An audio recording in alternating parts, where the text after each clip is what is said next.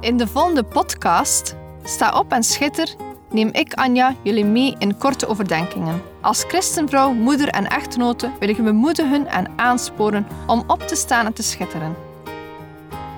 We zijn niet gemaakt om in Gods koninkrijk stil te zitten en niets te doen, maar om op te staan en dienstbaar te zijn. In de eerste plaats over God, daarna over ons gezin, onze partner of onze geloofsgenoten. En als gevolg zullen we dan ook schitteren in de wereld. Neem je Bijbel bij de hand, want zonder Bijbel zijn we als een kok zonder eten of een zanger zonder stem. Dus luister naar, sta op en schitter.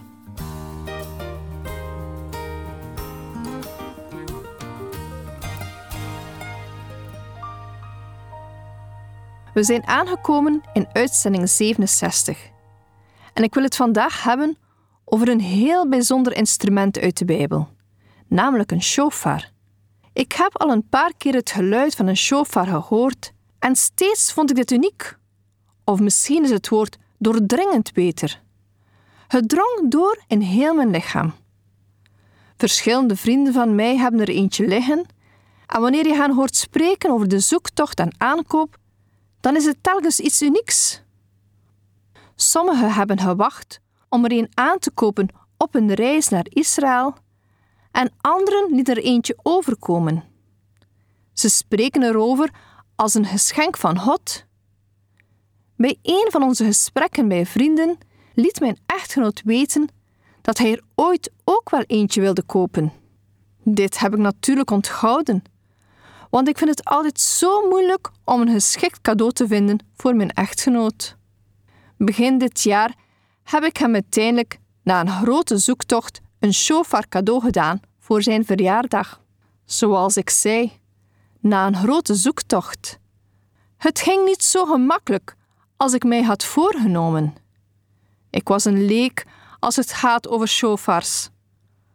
Voor mij was het een instrument die voorkwam in de Bijbel, maar voor de rest wist ik er eigenlijk niet veel over. Het werd uiteindelijk een leerrijke zoektocht. Ik startte op het internet en kwam al vlug tot de conclusie dat ik dit niet op 10 minuten zou bestellen. Zoveel verschillende soorten en maten. Ik wilde niet de verkeerde aankoop doen, dus nam ik het mee in gewet. Hoe meer ik opzocht, hoe meer het mij boeide. Ik begon er nog meer voor te bidden. Het leek wel iets unieks dat ik zou kopen. Er zijn geen twee dezelfde shofars. Ze zijn allemaal uniek. Ik vroeg God om mij te leiden naar de juiste shofar voor mijn man. Er kwamen veel vragen in mij op. Zijn de verkopers te vertrouwen? Bestaat er imitatie? Welke soort moet ik nemen? Een hoorn van een schaap? Heid? Koe? Of antiloop?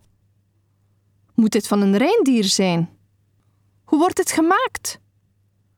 Laat ik er iets in graveren. Ik kwam er al snel achter dat de ramschoorn de meest gebruikelijke was. Maar ook werd er wel eens een shofar gemaakt van een heitebok of antilope. De voorkeur gaat uit naar reine dieren. De shofar wordt gemaakt van echte horens en geen imitatie. Het merg wordt uit de horens verwijderd, zodat men een holle pijp overhoudt. Aan de spits van de hoorn wordt geblazen om de klank te bekomen. Ik heb het zelf nog nooit bespeeld, maar het blijkt niet gemakkelijk te zijn om er geluid uit te krijgen. Ik zocht enkele muziekstukken op, waarin een shofar gebruikt werd. Je hoort dat er een melodie komt door het aaneenschakelen van kort en lang blazen.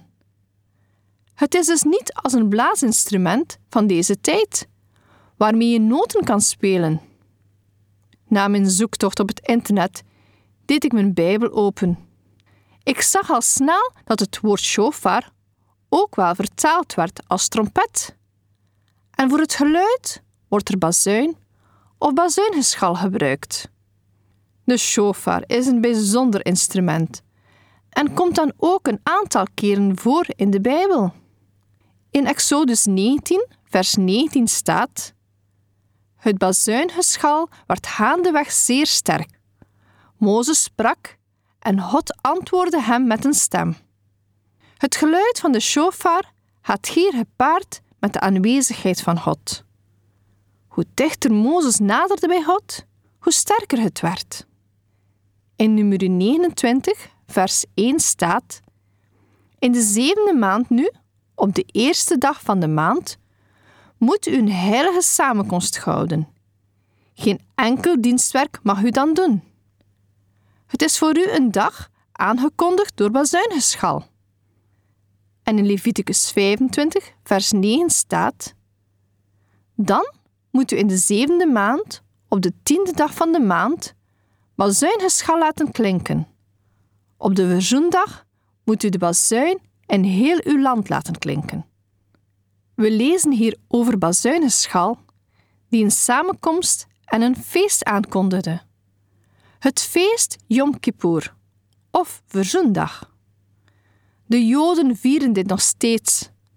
Het gaat gepaard met vasten en bidden. Tijdens de vele gebeden om vergeving slaan de Joden in de synagoge zich berouwvol op de borst en er wordt geknield.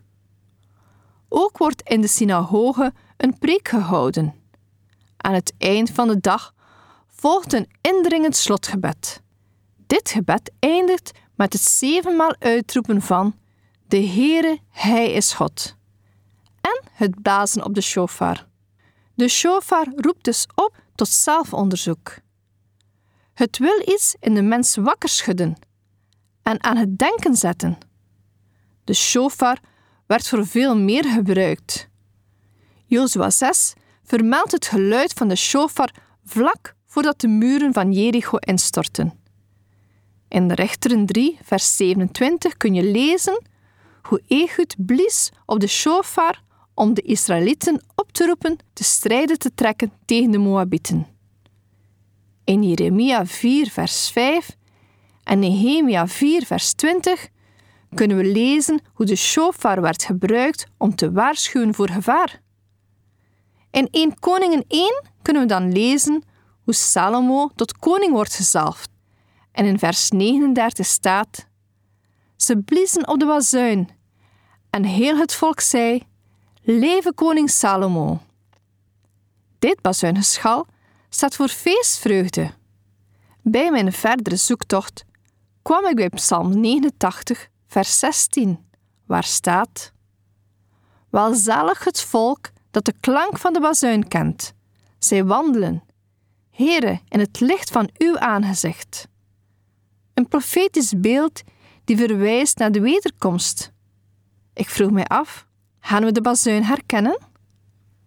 In 1 Korinthe 15, versen 51 en 52 staat: Zie, ik vertel u een geheimenis.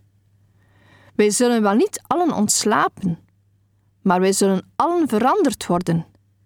In een ondeelbaar ogenblik, in een oogwenk, bij de laatste bazuin. Immers, de bazuin zal klinken en de doden zullen als onverhankelijke mensen opgewekt worden. En ook wij zullen veranderd worden. De bazuin die klinkt bij de wederkomst.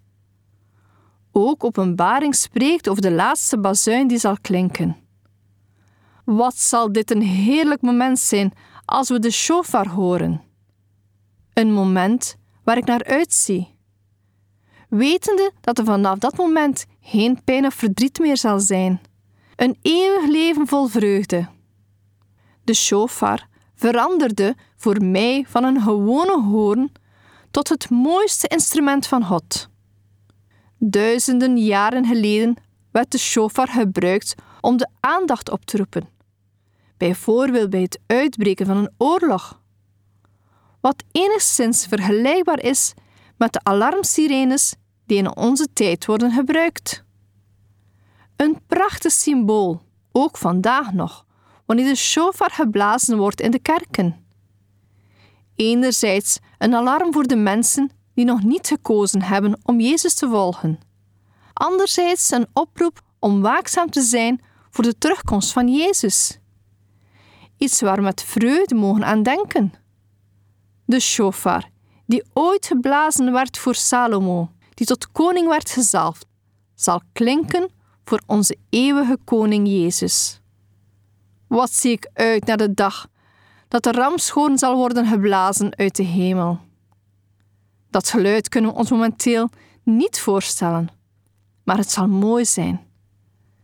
Met alles wat ik nu weet over een shofar, ging mijn zoektocht verder naar de geschikte shofar voor mijn echtgenoot. Ik besefte op dat moment pas ten volle dat een shofar iets moois is, iets unieks, iets dat God gemaakt heeft. Ik had een website gevonden die mij een eerlijk gevoel gaf en ik stond voor de keuze. Een grote shofar die afkomstig was van een antilope of een kleine van een ram. Mijn keuze ging naar één van een ram. Dat is dus de kleine hoorn. En dan ook de meest klassieke shofar. Het was voor mij duidelijk dat dit ook de meest gebruikelijke was in die tijd. Het klinkt misschien wat vreemd, maar ik koos voor een ram omdat ik het symbool van een schaap zo mooi vind. Schapen behoren tot de dieren die in kudden moeten leven. Ze zijn kwetsbaar, zwak, langzaam, niet of nauwelijks in staat zichzelf te verdedigen tegen wilde dieren. Een verdwaald schaap is al snel ten dode opgeschreven. Ik kan mij zo identificeren met een schaap. Ook in de Bijbel worden vergeleken met een kudde schapen en Jezus met onze herder. Het is aan te raden dat we bij een kudde aansluiten. Daarmee wil ik een kerk bedoelen. We horen niet alleen te leven met ons geloof. Samen zijn we veel sterker. Ik zie het zo mooi voor mij. Onze herder die de shofar zal blazen om ons allemaal samen te krijgen. Wij schapen mogen iedere dag klaarstaan om geroepen te worden door de shofar vanuit de hemel. Ik hoop dat jullie allemaal de bazuin bij Jezus' terugkomst zullen herkennen. Het is iets waar we mogen naar uitzien. Sta op en schitter terwijl we wachten op de laatste bazuin. Deze podcast kun je steeds opnieuw beluisteren via de website en app van twr.be. Als je deze aflevering leuk vond en je wilt de podcast helpen ondersteunen, deel hem dan met anderen. Heb je gebed nodig of wil je reageren op deze uitzending? Zend dan gerust een mailtje naar anja.twr.be. Bedankt voor het luisteren.